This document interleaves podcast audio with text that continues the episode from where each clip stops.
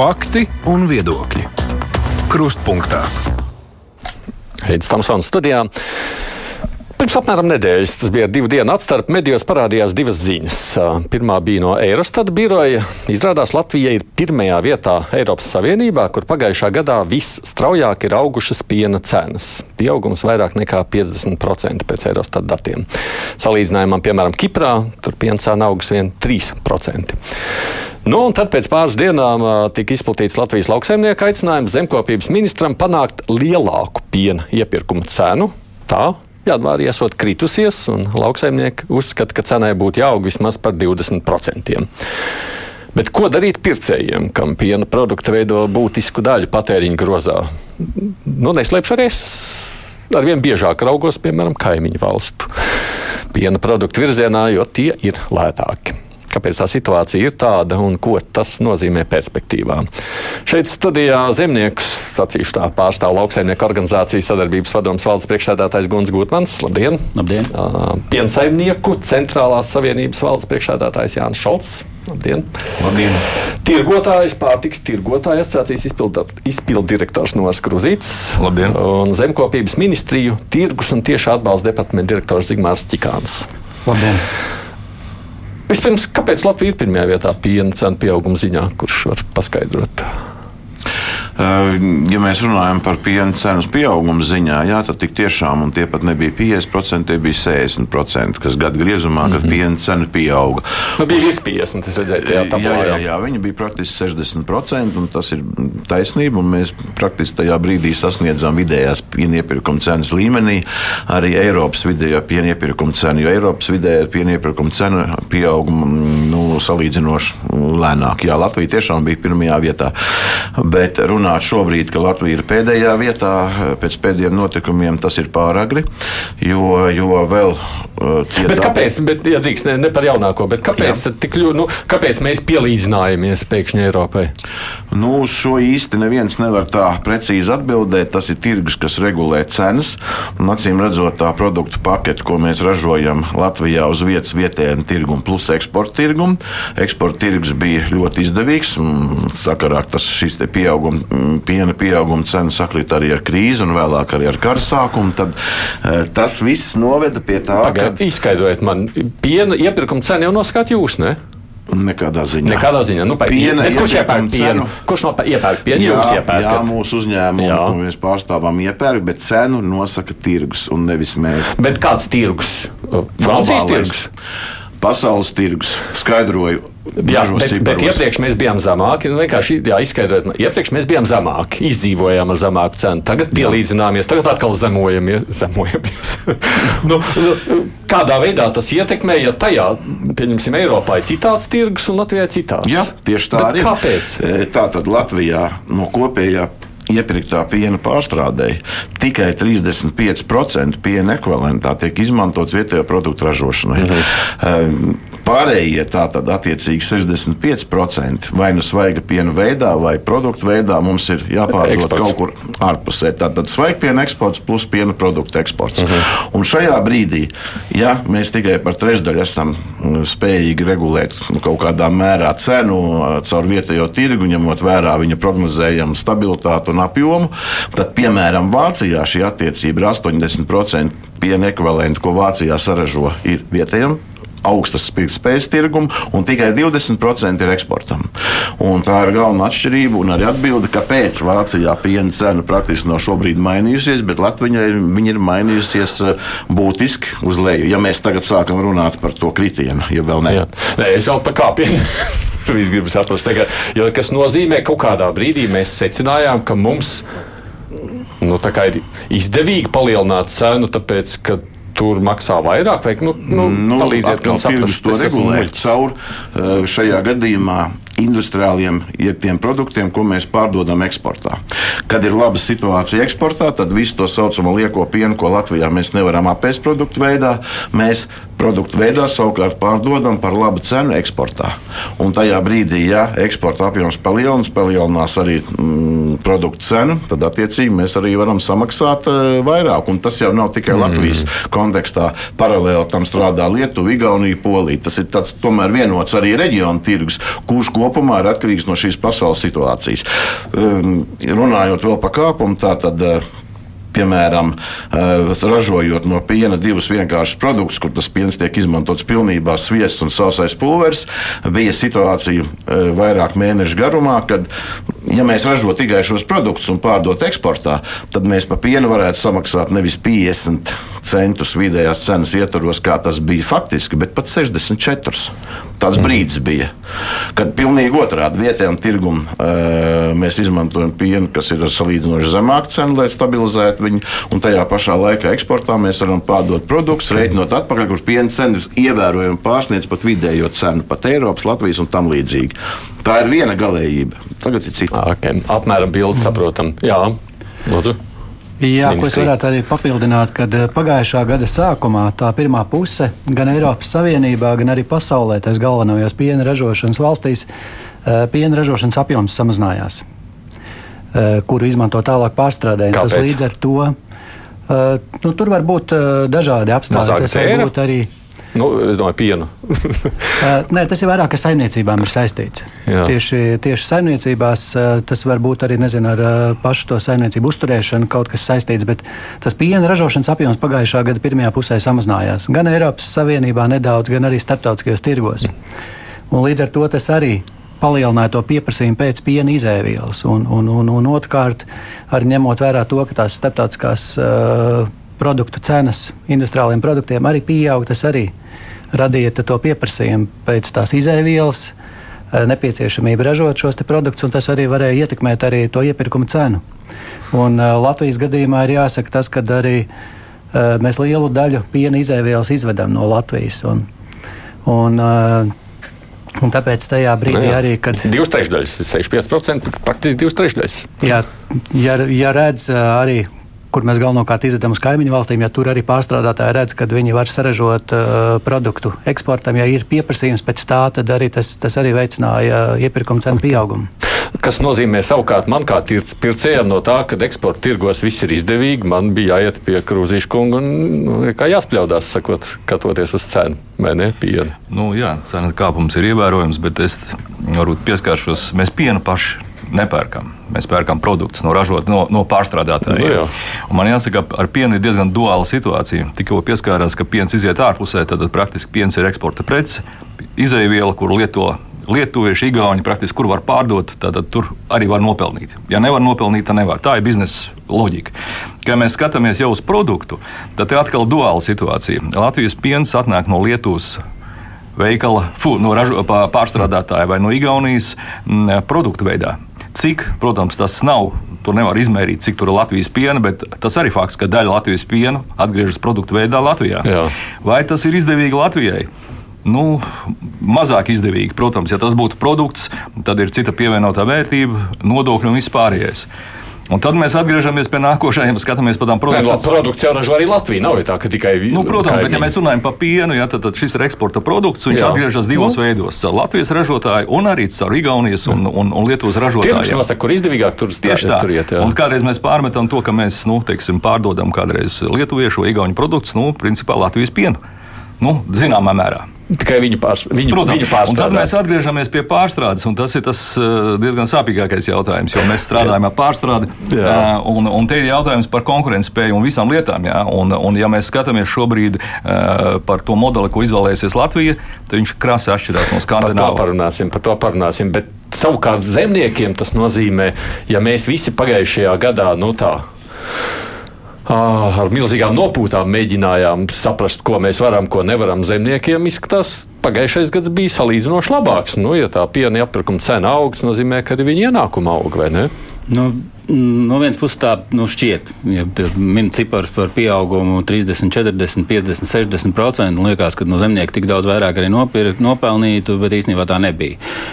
Tas, ko zemnieki ar šo vidējo Eiropas piena cenu kādu pakāpā sasniedz, ir nedaudz, nedaudz uzkāpt virs pašizmaksas kur mēs aptuveni visu laiku esam. Kāpēc? Tāpēc, ka degvielas cenas pieauga. Barības savākšanas cenas pieauga, elektroenerģija pieauga, gāze pieauga. Mums tās visas izmaksas, kas veido to piena pašapmaksu, pieauga tik dramatiski. Jā, tas piena lielākai daļai, arī ne visām saimniecībām, bet lielākai daļai iedeva plusu, bet tur nevar runāt par to, ka lauksaimnieki milzumu daudz nopelnīja. Tas, kas šobrīd ir, ir vēl sliktāk, un tā, tā problēma ir dramatiska ar to kritumu. Šobrīd tūlītās mēs parunāsim. Jā. Jā. Vienkārši tā situācija ir tāda, ja, ja iepriekš nu, mēs pagājušajā gadā jutām visu krīzi, liela daļa no mums savos maciņos jūta krīzi, tad zemnieki varētu teikt ne tikai izgāja pa nulēm, bet bišķiņi varbūt pat vēl labāk sanāca nekā iepriekšējos gados dzīvojot, kas izklausās labi, protams, nu, no tāda varētu apskaust zemniekus. Un kas tad notiek šogad? Pastāstiet! Nu, šogad ir, nu, es nezinu, kādiem vārdiem teikt, šobrīd ir ļoti slikti. Kāpēc? Jo piena cena, kas bija, nu, ja mēs reiķinām, ka mēs esam ap pašizmaksu drusku virs vidējā piena iepirkuma cena, gada beigās bija 49 ar kaut ko mm, centi. Uh, tad šobrīd vidējā, ja es nemaldos, 42 centi. Dzirdu saimniecības, ka maksā 37 centus, pēdējo, ko vakar dzirdēju, 30 centus par piena litru. Savukārt, lai pabarotu govi, kura dod pienu, mēs barību savācām pagājušā gadā par tām cenām, resursu cenām, kas bija pagājušā gadā. Līdz ar to tā pašizmaksa mums ir augsta, bet piena cena ir lejā. Un tā šķēre ir daudz sliktāka. Un tas, ko šobrīd no nu, lauksaimnieka nu, burtiski katru dienu vairāk zvani ir, saka, ko darīt, nu, ko mēs varam izdarīt, viss būs cauri. Tā vienkārši runājot. Mm. Tas tiešām ir slikti. Atsakot, cenas krītas. Atkal pircējiem prasām. Jā ļoti, diemžēl, um, slikti. Mēs arī labāk dzīvojam tādā stabilā vidē, bet tā nenotiek. Tas nav nekas jauns. Ik pa sešiem, septiņiem gadiem šādas krīzes atkārtojas. Tāda bija 8, 9 gadā, tāda bija vēl 11 gados. Vismaz div, divreiz šo raidījumu jau vadījis. Jā, jā. Nu, tagad mēs esam jā. labā ziņa. E, bija tā e, piena ražotājiem, kad ilgu laiku bija šis tā saucamais pīķis, kur arī šajos grūtajos laikos nu, piena ražotājs varēja pat varbūt mazliet nopelnīt it kā, nu, kuram sanāca, bet nu, teorētiski tā vajadzēja būt. Nu, tagad mēs atgriežamies pie tās atkarības no pasaules situācijas. Atceramies, ko mēs jau raidījuma sākumā runājām. Trešā daļa vietējie produkti. Viss. Tas divas trešdaļas atkal. Mēs esam atkarīgi. Šobrīd pasaulē viss ir par daudz. Tas tā kā tas liels kuģis iet, iet uz priekšu, uzpūšās un pēc tam plīst. Noliktavs ir pilns, aprit ir samazinājusies, ir uzkrājums viestam, ir uzkrājumi sausiem piena produktiem, industriāliem sīriem. Un tas ir tāds, kā aizsākt taupīt un domāt, bāc, varbūt nopirkt šoreiz nevis 3, bet 2 litrus, jo nu, tomēr no, padārgi. Iespējams arī tā, plus vēl Ziemassvētku jaunais gads, kas jau tirgu sabremzē, viss ir sakrits tik tālu kopā, ka ja mēs iepriekš runājām, ka uh, varētu samaksāt pat 60 plus centus par vienu litru litru piena saražojot divus produktus, sviestu un sauso pulveri, tad šobrīd šos pašus produktus saražojot un mēģinot pārdot pasaulē par tām zemajām cenām, būtu vien 24, 25 centi samaksājumi zemniekam. Šī ir tā šausmīgā starpība, tā šķēra, par ko jau runāju. Un Latvija ir ļoti, ļoti Vēlreiz atkārtoju, Latvija no tā ir ļoti, ļoti atkarīga. Un tāpēc es uzreiz aizskrienu priekšā runāt par to, droši vien pieskarsimies, kad kaut kas varētu būtiski mainīties uz šī fona veikalā, plaukta cenās, nu, ir pārāk. Ministrijas pārstāvjiem drīzāk tāds tas jautājums. Mē, jūs varat prognozēt, kurā brīdī šī tirgus svārstība ir gaidāma? Nu, kurā brīdī nu, redzēju, taču, ja noliktavas pildās, pieprasījums krītās, var taču secināt, nu, būs kaut kādas korekcijas vai ne? Droši vien, ja ilgākā laika periodā to vērotu, tad, tad varētu, bet nav jau tik aktuāls arī tās statistikas informācijas. Tā statistikas informācija parasti jau ir ar nobīdi. Mm. Bet, uh, Tas, ko pas, arī saka paši piena ražotāji, tas pēc kā vadās, vadās cenas, tad, tad attiecīgi mūsu tās cenas ir diezgan atkarīgas no tā, kā ir spot tirgos Eiropā. Piena, izē, piena izēvielas cena kā mainās. Un tie mm. ir Tie ir tirgi, kuros pārdod tā saucamo lieko produkciju vai pārpalikumu produkciju. Un, ja tajos uh, ir redzams, kad, uh, kad šī, šī iepirkuma cenas iet uz leju, tad var prognozēt, ka arī Latvijā tās piena iepirkuma cenas uh, noteikti samazināsies. Un otra lieta pēc kā varēja prognozēt to, ka tāds samazinājums noteikti būs, tās bija Eiropas Savienības piena pārstrādes uzņēmumu ražotāja cenas industriāliem produktiem. Tas ir gan vājpienu pulveris, gan pilnpienu mhm. pulveris, sviests un siers. Tad tām trijām kategorijām, kas ir piena pulveri un sviests, var jau redzēt, ka tas samazinājums jau bija no oktobra. Mm. Un tur pēc būtības tās ražotāja cenas ir samazinājušās vēl vairāk gada beigās. Un, tāpēc var, varēja arī sagaidīt, ka būs, būs iepirkuma cenu samazinājums. Tāpat arī gada otrajā pusē bija tendences, kad Eiropas Savienībā sāk pieaugt ražošanas apjomi. Jo tas, ko darīja tās pieaugušās iepirkuma cenas, tā, pēc tā varēja sagaidīt, ka kaut kad ir jāseko arī tam piena ražošanas un piegādes apjomam ir jāpalielinās. Un tas šobrīd uh, notiek Eiropas Savienībā. Līdz ar to, skatot mm. kopumā tos faktorus, jā, var prognozēt, ka kad ir jābūt tai piena iepirkuma cenas uh, lejupslīdē, tad, kad pieaug uh, piedāvājums vai pārprodukcija. Nu, es neesmu pēdējo nedēļu gājis veikalā, tā, kad sieva aiziet. Es tādu, ne, bet, kad es vēl biju pēdējo reizi, neko baigi neredzēju būtiski, tas piens kļūs lētāks krietni. Nu, te jau minēja, ka nav pamata gaidīt, ka viņš kļūs lētāks. Vispār piena produkti, jo ir niansi, kas notikusi un kas iespaido cenu, ir īpaši, ko mēs redzam plauktā, tad eh, apjomi kritušies. Un būtiski kritušies uz nu, tādiem prēmiju produktiem, ja produktiem ar pievienoto vērtību, kuri tātad zināmā mērā teiksim, sedza ražošanas izmaksas, ja papildus bija ienākumi. Šobrīd visas ražotāja izmaksas ir uz lētajiem produktiem. Tad cenas aug uz lētajiem produktiem. Tātad tā ir vien, viens no iemesliem, kāpēc šobrīd, nu, vismaz tuvāko mēnešu laikā, mēs nesagaidīsim. Pagaid, ļaujiet man salikt kopā. Zemnieks saņem vairāk. Jūs iepērkat pienu par lētāku, a veikalā nekas nemainās. Kur nu, tad izmaksas. Nu, tad, ja, eh, naudas izteiksmē, protams, ir pieaugums. Ja mēs skatāmies vienību skaitā, tad vienību skaitā piena produktiem ir kritums. Un, ja mēs skatāmies prēmiju klasē, nu, teiksim, kaut kādiem sieriem, skaits, jā, nu, sieriem jā. kaut kādiem jogurtiem, sieriņiem, kas ir dārgāki, jā. ir iespaidīgs kritums. Tas nozīmē, to, ka ražotājiem izmaksas jāliek uz lētajiem produktiem, uz pienu, kurš ir kapekās, nu, zem, zem, zem eiro. Teiksim, ja?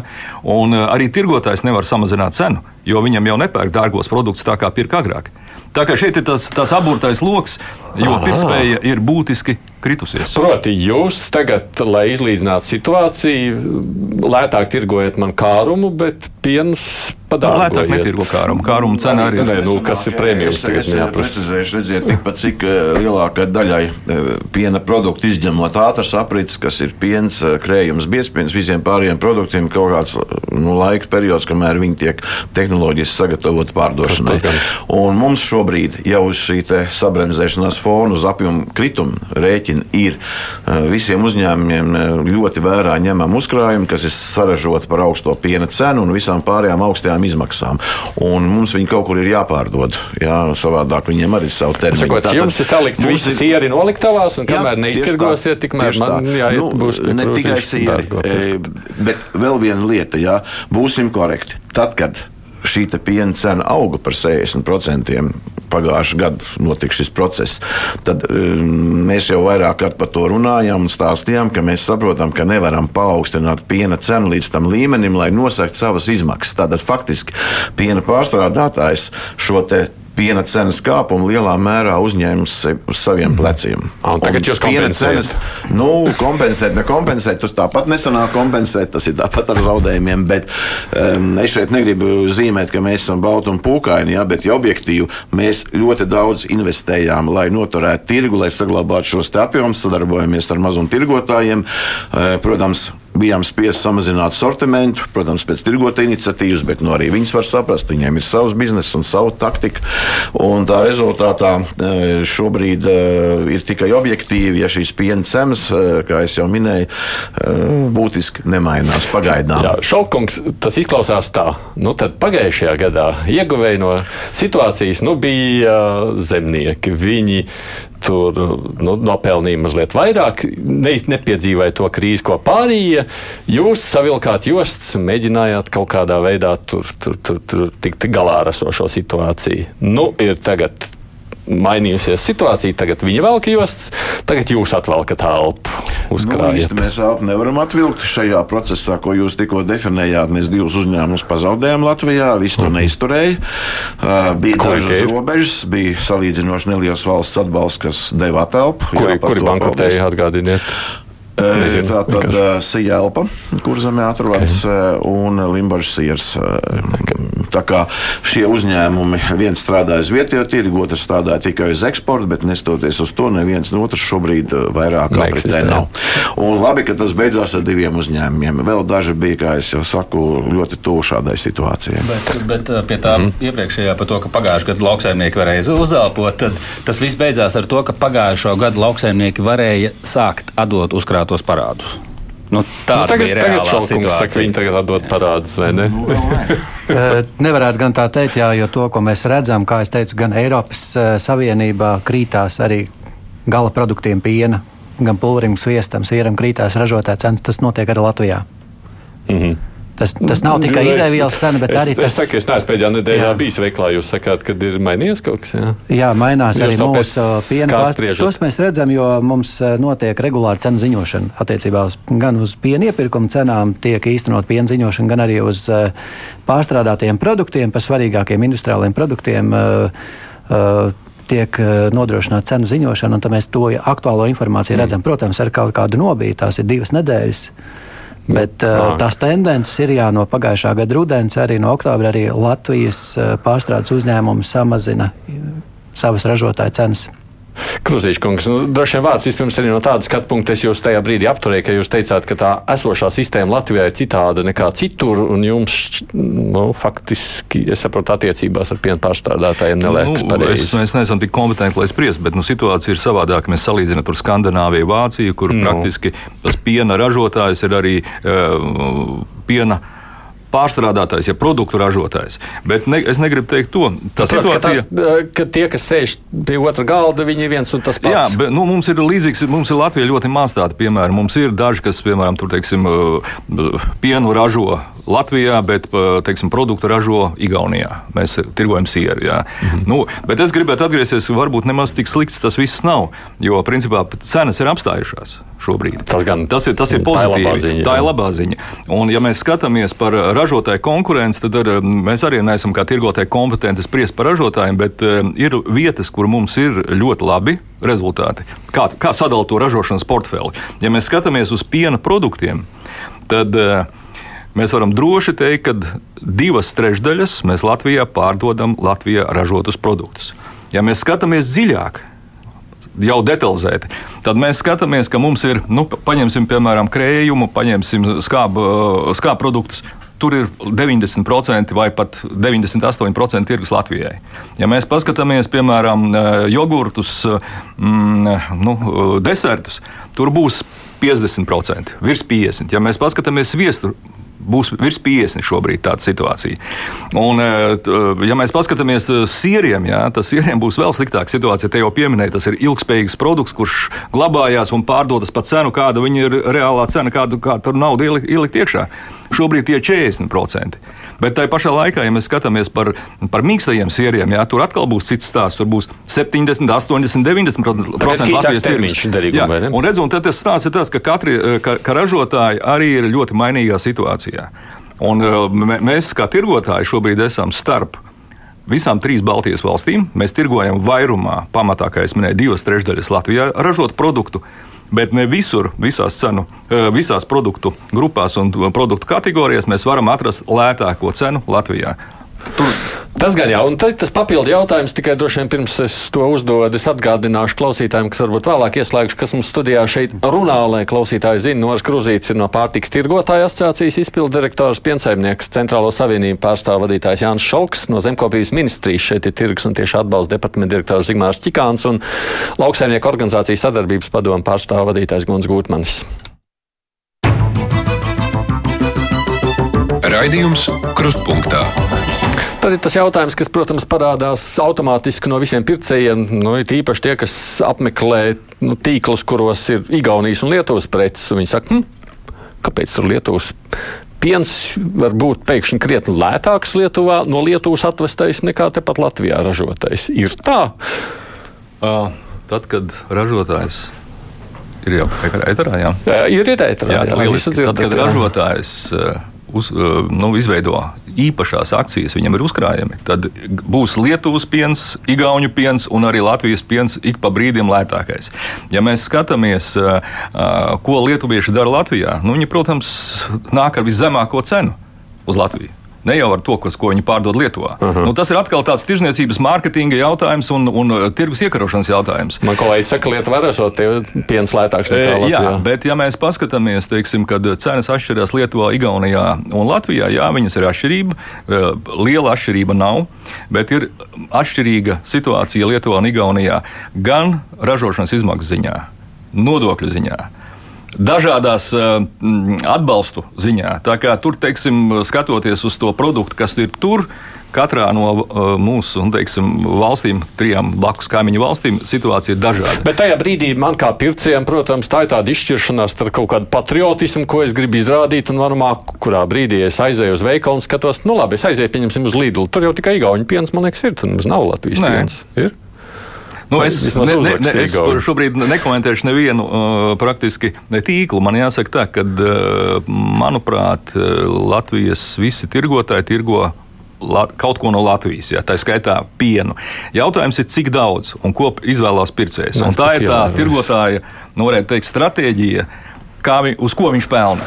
Nu, es apskatos, jo tur ir lētāks, tu ej uz turieni, bet nu, lētāks ir ne Latvijā. Nu, tur, mums, tur mums ir gara diskusija sena bijusi ar, ar tirgotājiem, un es tomēr metīšu to akmeni tirgotāju dārziņā. Jā, ja mēs aizbraucam uz Igauniju vai uz Lietuvu, tur tas produktu klāsts, ko var nopirkt vietējo, ir pilnīgi savādākā apjomā nekā Latvijas veikalos. Vakar vakarā bija iegājis mazā konkrēti Maksimas veikaliņā, kas man ir blakus, kur es aizēju tiešām pienu un maizi nopērkt. Viens Latvijas piens, trīs lietuviešu pieni, divi Latvijas sviesti, uh, trīs importa sviesti ar krējumu. Tas pats, visi importa produkti pirmkārt ir lētāki. Nu, jā. jā, tur Kruzīša kungam ir taisnība par, mm -hmm. par izmaksām, darba spēku nodokļiem vispārējo. Lietuvā, Igaunijā ir labāka situācija, un tas ir tas, kas ir viens no iespējamiem risinājumiem, ko vajadzētu runāt par darba spēku nodokļiem. Tas varētu ietekmēt gan ražotāju, gan pārstrādātāju, gan tirgotāju Tā ir taisnība. Uh, bet, uh, ja mēs runājam par produkcijas apjomu plauktā no vietējā tirgus, ja mēs šeit arī tirgotāji būtu patriotiskāki un teiktu, ka mēs pamatā tirgojam vietējo produkciju, tas stimulētu pārstrādi. Viņi vairāk pārstrādātu šeit, jo būtu lielāks pieprasījums, vairāk pievienoto vērtību atstātu šeit valstī. Un, un liktu man maksāt dārgāk. Un, un liktu jā, maksāt dārgāk. Pircējiem iespējams maksāt dārgāk, dārgāk, bet Arī tur mums kādu laiku atpakaļ bija tāda akcija Godīgs piens. Mēs pārbaudījām uz pircējiem. Liela daļa pircēju mārketinga iespējā pērk importu pienu, domājot, ka tas ir vietējais. Nezinot, ar mārketingu, ar iepakojumu, ar nosaukumiem pārdod mūsu cilvēkiem vietējo produkciju, jo viņi domā, ka tā ir vietējā, un tā īstenībā nav. Bet, nu, mums neiznāca, diemžēl, šodien saruna ar Maksimu. Maksimu nebija gatava ar mums runāt, bet, ja mēs paskatāmies arī tajā pašā Maksimas tirgus tīklā. Viņiem pirms gadiem desmit bija krietni lielāks latviešu pienu produktu īpatsvars nekā tas ir tagad. Es domāju, iemesls jā. ir viens. Viņi redz, ka pircējs pērk lētāko, viņi pāriet uz lētāko kruzīšu. Man te jāsaka, situācija ir būtiski mainījusies, jo šobrīd uh, pircējs īstenībā diktē ko, ko iepērk tirgotājs. Mm -hmm. Lai cik tu gribi būt patriotisks, eh, man, man, man šobrīd ir liels prieks tādā ziņā, ka, ja ir sortiments samazinājies vai teiksim, kāds ražotājs, man bija jautājums arī kolēģiem, vai kāds eh, no piegādātājiem, no ražotājiem ir tā būtiski izgājis ārā no kāda no tīkliem. Nē. Tātad praktiski Latvijas tirgotāji mēģina saglabāt iespēju robežās, pēc pirktspējas, pēc pieprasījuma Latvijas preces, bet izvēlās pircējs. Nu, un te šobrīd, ja jāsaka par pienu, tad eh, Latvijas piens ir zem eiro. Un šobrīd tiek uzturēts Latvijā nu, pietiekami zema cena priekš, priekš šīs situācijas. Eiro 15 nemaldos vakar bija. Zem eiro. Zem eiro. Eiro 15 vakar, bet, bet, es neesmu pircis zem eiro vēl, bet, bet var jau būt. Es saku, es neesmu bijis nedēļu veikalā. Privātās preču zīmes, kas tiek ražotas Latvijā. Bet, piemēram, nu, par to, ok, piens mēs te pārsvarā runājam. Putnu gaļa vakar Maksimas veikalā vienīgais Latvijas produkts bija lido. Pārējais viss ir imports. Jā, nav nu, ķekavs, bet mēs Rīmī veikalā savukārt ir. Par, bet, piemēram, par citām lietām nerunāšu, bet atgriežoties pie piena, es domāju, tā tas ir. Kā saka Kruzīša kungs, piena, nu, pircējs nosaka, ko tad darīt tam veikalam, iespējams, ja es nāku Un to Latvijas pienu neizpērk, tāpēc, ka šalka saražotais piens ir dārgāks nekā tas, kas atvests no Lietuvas. Beig beigās Lietuvas preces tiek izpirkta, viņa preces stāv. Beig beigās veikals domā, hm, ņemsim no šalka mazāk nākošais reizes. Aizstāvieties. Tā Aizstāvieties. Tas ir vēsturiski. Piens ir viss nu, nepatīkamākais produkts, kas mums attiecībās ar mazumtirgotājiem jau gadu garumā ir gājis tikai uz slikto pusi. Jāgrā bija 45% importētais 55 mūsēs, šobrīd ir 55 imports, 45 tie pēdējie uh, dati par pagājušā gada situāciju. Jā, tā tad, uh, nu, diemžēl, um, šādā brīdī un tonās runājot, tas ir 100 tonnas, 200 tonni kopējais tirgus apjoms. Tātad 110 tonnas ir uh, ievests un tikai 90 ir mūsējais. Ja mums ļautu šīs 200 tonnas saražot, šeit nebūtu diskusija par dažiem centiem uz vienu litru. Ļaujiet mums saražot 200 tonnas piena priekš Latvijas tirgus. Vienkārši produkts. Ko, ko nozīmē, kurš ļauj? Nu, es tā vienkārši tēlēni izsakos, ja, jo, nu, protams, mazumtirgotājs izvēlas, ar ko strādāt un kādu produktu, kur iepirkt. Bet, ja tas iepirkums vienkāršam produktam pārsniedz jau pusi no tā, kas ir tirgū, tad nu, droši vien tas arī nav īsti normāli. Es mazliet gribētu oponēt. Te ir jautājums tā, ka procenti īsti nebūs korekti, jo pārsvarā ir tirgotāji, tīpaši daži tirgotāji, kas tirgo UHT pienu un viņš sastāda procentuāli lielu daudzumu. UHT tas ir tas, kas tas ir tas ilgstošais. Nu, viņš jā, maksā jā, 30, kas... cik tur 6 eiro centi un tā tālāk, jā, un principā tas Latvijā netiek ražots. Un otrs jautājums, pie ko es pieskāros uh, raidījuma sākumā, uh, ļoti viss atkarīgs no ražošanas efektivitātes. Un ja Latvijas piens aiziet uz Lietuvu un atnāk produkta veidā atpakaļ, lētāk. Jā, un pircējs izvēlās šo pienu, tad, eh, diemžēl, tas, tā, šī brīža situācija ir ļoti nelabvēlīga Latvijai. Tas ir tas vienīgais, ko es varu teiksim, komentēt no šī te, jo tirgotājs nu, nav teiksim, tas nīdējs vai, vai antipatriots vai kaut kas tamlīdzīgs. Ja viņš spēj pārdot Latvijā ražotus produktus, viņš to dara. Un nepavēlties pieminēja, ka divas trešdaļas no piena produktiem, kas nav slikts rādītājs Latvijas ražotāju konkurētspējai, Latvijas tirgotāji pārdod divas trešdaļas, ja gūs naudu no divām trešdaļām produktu kopumā, kas ražot Latvijā. Bet kā tā var būt, ja mēs pat paskatāmies to pašu Igauniju? Man kolēģi, kamēr mēs runājam, tikā pašķirstē, viņi saka, no nu, lētākais piens Rīgā tīklā, ko viņi atrada 99 centi. Jā, bet, zem, zem Iga, bet no Igaunijas. Bet no Igaunijas. Ražots Igaunijā rakstīts. Tas nozīmē, nezinu, vai viņš Latvijas piens raizes vai tam līdzīgi, bet ražots Igaunijā. Kas nozīmē, ka Bet Igaunijā vienmēr saka, viņiem ir lielākas algas. Tas nozīmē, ka darba spēka izmaksas ir lielākas, elektrības izmaksas viņiem nav lētākas nekā pie mums. Kas tad, kā tas tā var būt? Jā, Igaunija tas ir piemērs, par kuru es varu komentēt tikai to, ka tas ir visticamāk Valijo kompānijas saražotais piens, kas ir starptautisks uzņēmums. Viens uzņēmums um, ar pamatu uh, vai teiksim, māti Somijā un meitas uzņēmums Igaunijā. Un, uh, viņi ir, uh, viņa ambīcija jau sen ir iekarot Latvijas tirgu, un viņi ir gatavi šo produktu pārdot par pašu iespējami zemāko cenu. Es šeit nerunāšu par dempingu vai kaut ko, tas ir jau cits stāsts, bet jā, tā ir viņa ambīcija - iekarot Latvijas tirgu mums grūtā brīdī un pēc tam mēģināt viņā noturēties. Neslēpsim tā tas var būt. Viens maziņš komentārs tikai, bet, piemēram, krējums Latvijā 99% ir Latvijā ražots krējums pēc pēdējās, pēdējiem datiem. Jā. Tātad ir kaut kur mums arī stiprā puse. Mēs fokusējamies uz pienu ar vismazāko pievienoto vērtību. Tādā mazā šeit, ka es lidlāju iepirkos, tu biji tikai Igauni krējums. Jā, jā, bet es runāju par kopējo 98% mhm. kopējais ir Latvijas ražotāju pienesums. Šajā situācijā, un, un grib vai negrib, nu, mēs neesam noslēgts tirgus, mēs esam atvērts tirgus, vai vispār tur kaut ko zemkopības ministrija var regulēt vai ietekmēt šajā procesā? Diemžēl tiešas ietekmes nevar būt. Tas, tas jau, kā jūs sakat, tas, mēs esam atvērts tirgus un mēs esam tirgus ekonomika, un, un tajā ir jādarbojas tikai un vienīgi pēc tirgus principiem. Tur nav tādu instrumentu, lai iejauktos šajā tirgu un sāktu regulēt šīs attiecības, kas varētu būt starp kādu, kādu no ķēdē iesaistītajām pusēm. Jā. Es to jautāju no tāda konteksta, nu, tad, tad bija Latvijas lauksaimnieka aicinājums zemkopības ministram vai ministrijai, tātad, man liekas, ministrs bija uzrunāts, jā, panākt iepirkuma cenu pieaugumu. Kas tas par aicinājumu, ko tur var panākt viņš? Nu, kolēģis jau pareizi saka, ka tādā tiešā veidā ietekmēt, uh, ietekmēt tirgu droši vien, ka nevar. Mēs esam Eiropas Savienībā un tie ir nu, konkrēti kopēji noteikumi, bet ir dažas tādas lietas, uh, kuras, kuras tomēr izdarīt var. Nu. Uh, kā piemēram to pašu, ko ir teicis ministrs arī esošais zemkopības Digis Šmits, ka varētu runāt par darbspēku nodokļu mazināšanu. Kas ietekmē, kā es teicu, visu ķēdi sākot no ražotāja, ar pārstrādātāju un tirgotāju.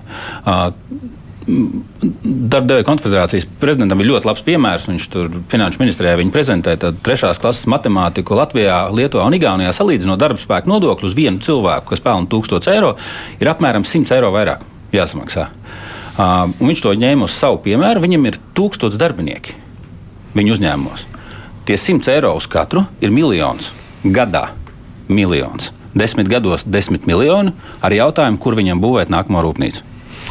Tas ir veids, kādā veidā, piemēram, var ietekmēt ar mūsu kaimiņiem, Lietuvu un Igauniju, caur piemēram darbspēku nodokļiem. Kāpēc tad es publiskajā telpā dzirdu lauksaimnieku organizāciju aicinājumu samazināt nevis darbspēku nodokļus, bet, patē, bet patēriņu nodokļus, PVN, pieņemsim, pārtiks preces produktiem? Pārtiks precei samazinot PVN būtu tas, ko Krūzīšs kungs minēja, ko viņi redz savos veikalu tīklos pirktspēju uh, iedzīvotāji nevar nopirkt. Viņi pērk fiziski no, mazāk, samazinot bet, PVN, samazināsies produktu cena. Jūs jau labi saprotat, ka tas ir savienoto trauku princips. Ja viens tiek samazināts, tad otrs nu, nevar tā, visus nodokļus samazināt. Tam, tam gan es nepiekrītu. No, Absolūti. No, mēs, tātad mēs samazinām gan PVN, gan samazinām darbspēku nodokļus. Tas, ko mums finanšu ministrija visu laiku stāsta, katru reizi, ja mēs samazināsim PVN, mums būs budžetā tāds un tāds rops. Neticu nevienam tādam vārdam, jo viņi visu rēķina uz papīra. Tā tas nav. Ja cilvēks cilvēks, 80% Latvijas sabiedrības neuzkrāja līdzekļus. Ja viņi samazinās, samaksās mazāk PVN pienam, pārtiks produktiem, viņi to PVN atstās citur. Vai tās būs grāmatas, vai tas būs apģērbs, vai tas būs degviela vai kaut kas cits, viņu to PVN samaksās citā sadaļā. Jūs gribētu gan samazināt gan darba spēku nodokļus, gan PVN. Jā. Es saprotu, jā. Tā, okay. tā situācija ir vēl dramatiskāka, jo šobrīd tas lielākais pelnītājs ir valsts nodokļi uz uh, apgrozījuma rēķina un uz apgro, un pirktspējas krituma. Un, ja mēs paskatāmies uz pirktspējas kritumu, kas ir diezgan spēcīgs arguments, cilvēki samazina ražošanu. Praktiski ne, nu, ne cilvēki, bet ra, rūpnīca samazina ražo, ražošanu. Un tas, tas, tas īsti e, labi nav, jo tas tāds apburtais lokus. Jā, tā, tā veidojas spirāli, Protams, ne? Cilvēks tērē mazāk. Man, man tāds, mazāk tāds, tā. tāds e, iebildums, mēs visu laiku sekojam, kas notiek pārējās valstīs. Un man ļoti pārsteidza nu, praktiski Spānija 6,8% inflācija, nes, nesalīdzinot ar mums, uz sešiem mēnešiem samazināja visiem pārtikas produktiem, pamatproduktiem cenu. Kāpēc? Labs jautājums. Vai tāpēc, ka viņiem, ir, viņiem jau tā bija 5%, 8% atsevišķiem produktiem, bet viņiem ir mazākais nulli. ražošanas izmaksas pieaugums bijis pēdējo Jā, un tad jautājums ir, kāpēc? Tad jautājums ir jāmeklē dziļāk. Un te jau te minēja, ka tas nav tā viennozīmīgi tikai nabagie vai ražošana, tas ir komplekss jautājums. Nezinu, gribēju piebilst, tikpat cik mēs par PVN runājam, un arī kopā ar lauksaimniekiem jau ļoti sen par to, ka tas būtu beidzot jādara. Tagad ir parādījies jauns instruments, tātad darbspēka nodokļi, izlīdzināt konkurences situācijas starp vismaz reģionu valstīm. Arī ļoti pareizi. Bet es gribu pateikt vienu. Mēs četrus gadus iepriekšējos runājām, ka kaut kas ir jādara. Neko neizdarījām. Ja mēs tagad neizdarīsim neko, nu, tas var jau būt slikti šajā krīzes fonā, pa ko mēs raidījām savu nu, runājumu. Tāpēc, tāpēc ir tas aicinājums vienkārši darām PVN, darām um, izlīdzinoši, samazinām darba spēku nodokli, bet kaut ko reāli nu, darām. Labi, ir skaidrs, ka šī, jā, ir skaidrs, ka šī diskusija jāveido citā tīklā, nevis šajā, jo tur jau nu, zemkopības ministrs neko tur nevar izdarīt. Lai gan es nezinu, cik zemkopības ministri iestājas par vienu vai par otru nodokļu samazinājumu, vai jūs esat vispār nu, pilnvarots par to kaut ko komentēt? Uh, diemžēl nē, tas būtu jāuzdod jautājums ministram. Ministrs, nu, ministrs būs mums rīt šeit, kruspunktā studijā. Uz šo jautājumu iespējams arī mēs varēsim uzdot. Bet skatoties no pašreizējās situācijas, tas ir vienīgais, ko, ko jūs varat sagaidīt no ministra nodokļu mazināšanu, jo citādi viņš nekādu uh, piena iepirkuma cenu nevar Nu, mums ir milzīgi daudz jautājumu, ko mēs sagaidām no ministra. No ko vēl zina? Uh, tie ir tādi nu, lieli nākotnes jautājumi par, par mūsu lauksaimniecības pastāvēšanu. Jā, jā, bet es par, PV, es par to piena iepirkuma cenu pieaugumu, ko jūs gribat no, no viņa dabūt ārā. Nu, lai Šmitkungs beidzot Šalkungam liek iepirkt dārgāk. Šis jautājums, starp citu, arī tiek izskatīts, un jautājums, kā to varētu darīt. Bet es, tik, cik es zinu, es ar, ne, nu, tiek izskatīts tā, ka varbūt ir jāsasaist kopā piena ražotājs un piena pārstrādātājs, un jāveido tāda veida, mums jau par to arī bijusi runa, tāda veida atbalsts, kas ir kontrolēts, gan nu, daļai kontrolēts, cik to atļauj brīvais tirgus no produkta um, izēja, pamat izēvijas ražošanas brīža līdz viņa nonākšanai mazumtirdzniecības tīklā. Runa par Eiropas maksājumiem? Nē, absolūti nē. Par ko tad? Tā var būt tikai uh, valsts atbalsts. Tikai vēl viena valsts ir. Kas... Nu, tā kā valsts vēl pie, palīdzēt kompensēt Jā, arī jums. Ir, ir dažas valsts, kas arī piemaksā par uh, piena realizāciju vietējā tirgu. Pie viena litra piemaksājot konkrēti, stimulējot vietējo tirgu. Jā, jo ārpusē eksports tā, protams, ir biznesa lieta, bet iekšējais tirgus ir ļoti mazs un viņš ir jāceļ. Un ministram bija ļoti laba iniciatīva. Viņš nezinu, publiski bija, vismaz bija teicis, ka nu, principā, ēdināšanā, skolās un visur pārējais ir praktiski tikai Latvijas produkti. Tas ir, tas ir izdarāms. Jā, šis ir vienmēr, kā mēs spiedām, tas ir koks ar diviem galiem. No vienas puses, saka, tā tad mums jāpērk Latvijas un jāmaksā dārgāk. Nē, šis ir tikai koks ar vienu galu. Nu, principā, manā gadījumā ar manu kabatu tas ir. Nē, principā, principā tur ir divas lietas. Tur ir nodokļi, nāk atpakaļ no darba spēka, tur nāk atpakaļ no citām lietām, no PVN, un tur nāk eh, pati būtiskākā lieta, ko mēs redzam kā tirgotāji. Eh, nepavēlti ministrs pieminēja Latvijas garšu, to cilvēku, kas pārmanto no paudzes uz paudzi, un ja viņi ar to ikdienā lieto šos produktus, viņi arī pirks nākotnē. Ja viņi pirks poļu produktus, viņi pirks arī poļu produktus. Tā ir būtiska lieta. Ko jūs grasāties darīt ar šo aicinājumu, ko lauksaimnieki ir nosūtījuši? Šobrīd varbūt nevajadzētu pārsteigties, jo tas, tas ko mēs redzam, uh, Tas, ko mēs dzirdam, ir viena lieta, tas, ko mēs redzam skaitļos, ir pavisam kas cits. Un, uh, to Proti. par janvāra sākumu mēs redzam, ka tas uh, kritums nav dramatisks. Tie bija 4,6% un, un, un decembrī. 20% lauksaimnieku saka. Ir, ir. Uh, salīdzinot ar decembri, jā, nu, to saka šobrīd lauksaimnieki, bet tas, ko mēs redzam tajos skaitļos, tad janvāra pirmā dekāda. Jūs tie skaitļi nesiet par... ne ar tirgotājiem, ne ar lauksaimniekiem, ne tā nav? Ne, tas ir par cenu. Tie skaitļi ir tie, jā, kas tiek apkopoti no piena iepirkējiem. Tur ir uh, trīs kategorijas, dažādi piena iepirkēji, un, un tur, protams, ir arī atšķirības starp katru to piena iepirkēju kategoriju. To, ko mēs redzam. Hmm. Un, uh, un tā situācija var, protams, atšķirties ļoti arī starp lauksaimniekiem. Gan starp lauksaimniekiem, gan starp piena iepirkējiem. Nu, tā valsts vidējā piena iepirkuma cena par pirmo dekādi kritums ir 4,6%. No 48 centiem uz 46 centiem. Nu, Cik, jūs pārspīlējat pieckārt? Uh, Nē, varbūt nepārspīlē. Es, es tam neiebilstu, jo es, es saku, tas var būt uh, kādu atsevišķu zemnieku gadījumā un no atsevišķu iepirkēju puses, jo mums iepirkēji ir dažādi un ir saimniecības ir dažādas un ir dažādas vienošanās noslēgtas. Un tas, ko mēs šobrīd arī redzam, kad uh, tā iepirkēja kategorija mums iedalās trijās pārstrādes uzņēmumi, kooperatīvi un ir uh, SIA vai uzņēmēji, kas, uh, kas uh, piena izēvielu izved ārpus Latvijas. Tad tā trešā kategorija, kas ir uzņēmējs SIA, tas piena iepirkuma cenu kritums šobrīd ir lielākais no tām trijām kategorijām. Tad, kad bija kāpums, tajā kategorijā, tajā piepirkēji grupai bija lielākais uh, kāpums salīdzinoši. Un šobrīd ir kritums. Jo Tur var būt arī uh, iemesls tam, var būt arī tāds, kādi ir noslēgti līgumi starp iepirkēju un piena ražotāju. Tā ziņā, termiņa Vienā, ziņā?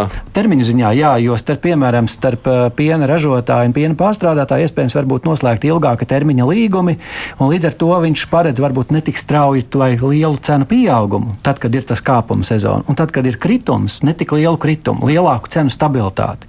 Bet tajā gadījumā, ja realizē pienu taisa spota tirgos bez ilgtermiņa līguma, tad ir jārēķinās, ka kādā brīdī, vai tu vari priecāties kādā brīdī, ka tas kāpums ir lielāks nekā citiem nozares dalībniekiem, un tad, kad būs kritums, ir jārēķinās, ka tas kritums būs lielāks. Tas tāpat kā mēs sūdzamies par gāzes cenām. Citur kritums ne. Šo situāciju Ziemassvētki jaunais gads tirgus ir salīdzinoši apstājies visā pasaulē, un bija tā situācija, kas tagad atsaucās, kad bija ļoti vērā ņemams piena pārpalikums. Tāpēc nav noslēpums, ka arī mūsu pārpircēji, gan kooperatīvi, gan SIA, gan citi, kas nodarbojas ar svaigpiena aprit, aicināja par nu, kaut kādu saprātīgu cenu, kaut vai zemu, lai tas piens tiktu vispār paņemts pārstrādē, jo viņi nevajadzēja un nevajag vēl šobrīd tādā apjomā ne lietuviešiem, ne igauniem, ne poļiem. Piena ir par daudz. Nu, labi, bet tā, tā situācija perspektīvā mēs esam nonākuši līdz tam.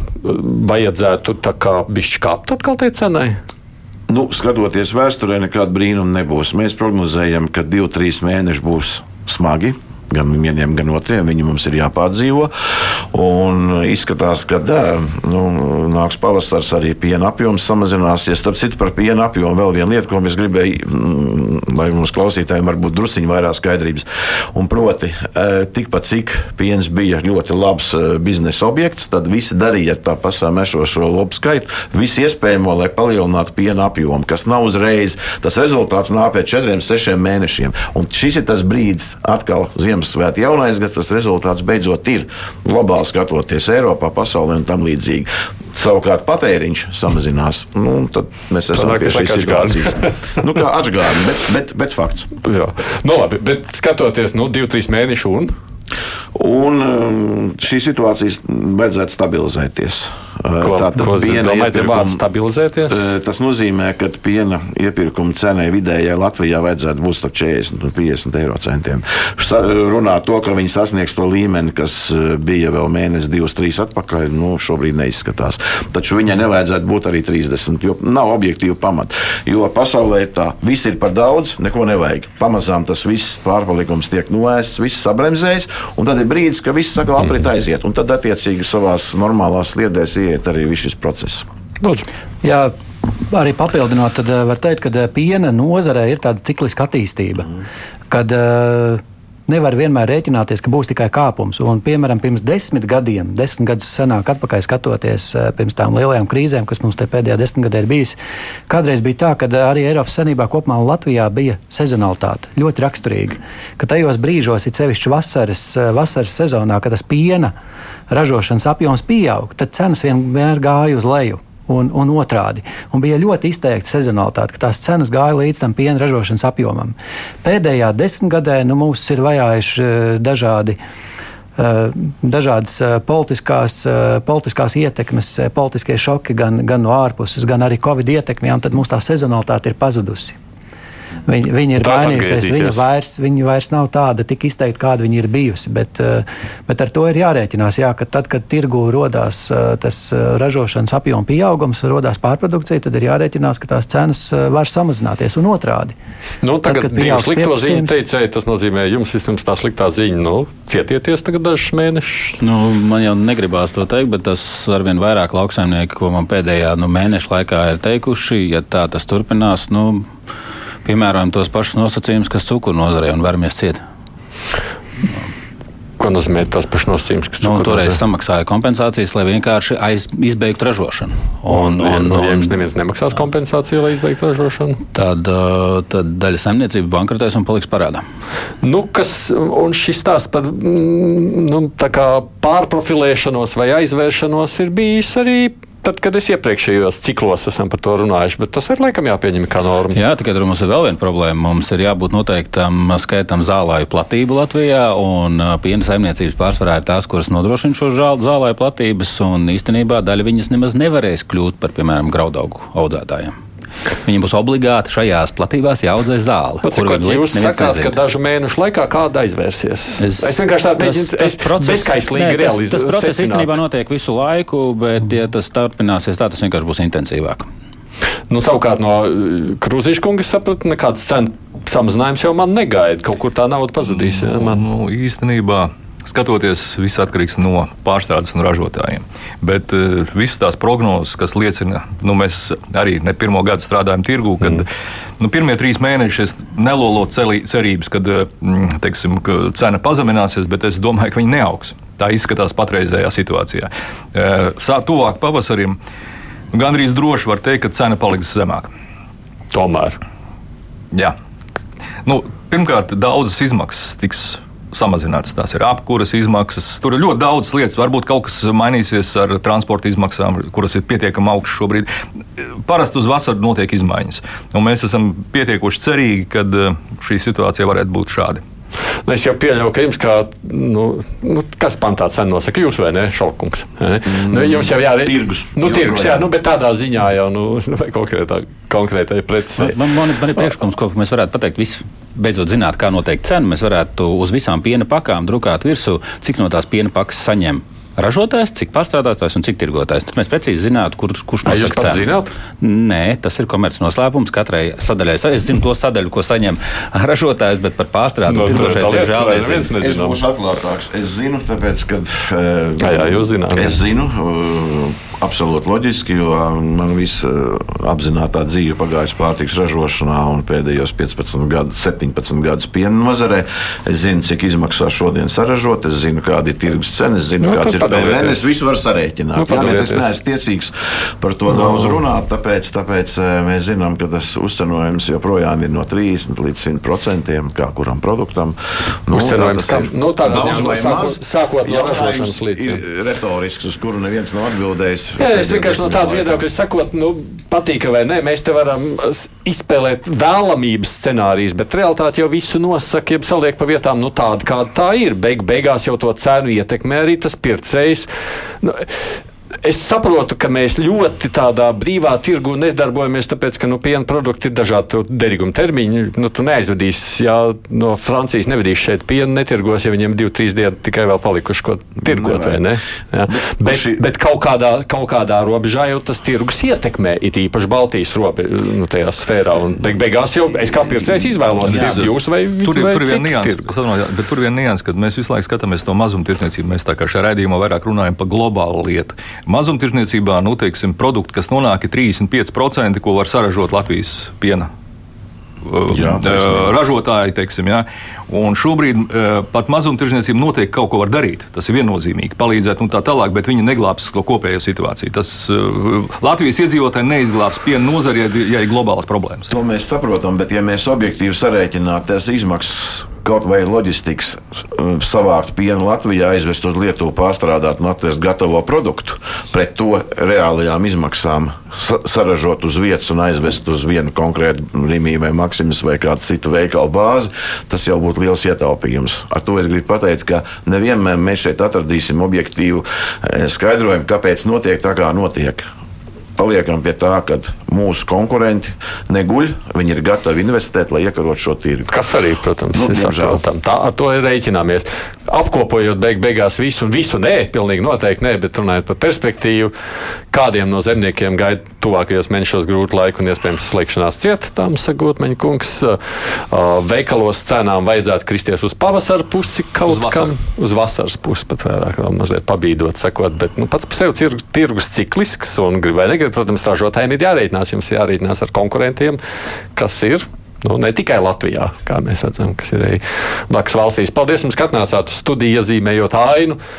Man nāca daudz ēpastu, bet man nebija laika viņas īstenībā šajā reizē pat uh, nu, pārlasīt. Jūs bijāt pietiekoši daudz sakoši, lai es klausītos, ko jūs man sakāt.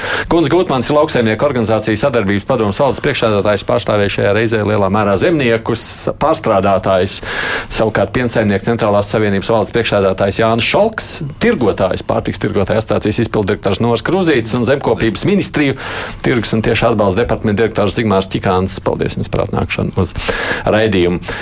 Kā jūs te pieminējāt, mēs kaut kādā mērā, protams, varētu rītdien sarunu turpināt, tāpēc, ka mums ir amatpersonu stundā šeit Zemkopības ministrs, kas nozīmē, ka tos jautājumus, kurus mēs nevarējām prasīt no Čikāna kunga, mēs varēsim prasīt, protams, no Šmita kunga, bet nu, gan jau ne tikai par pienu nozari, jo, protams, aina ir krietni plašāka un ir arī citi jautājumi, ko viņi viņam uzdot. Producēju šo raidījumu Evi Junānu, studijā biju es Aidis Tomsons.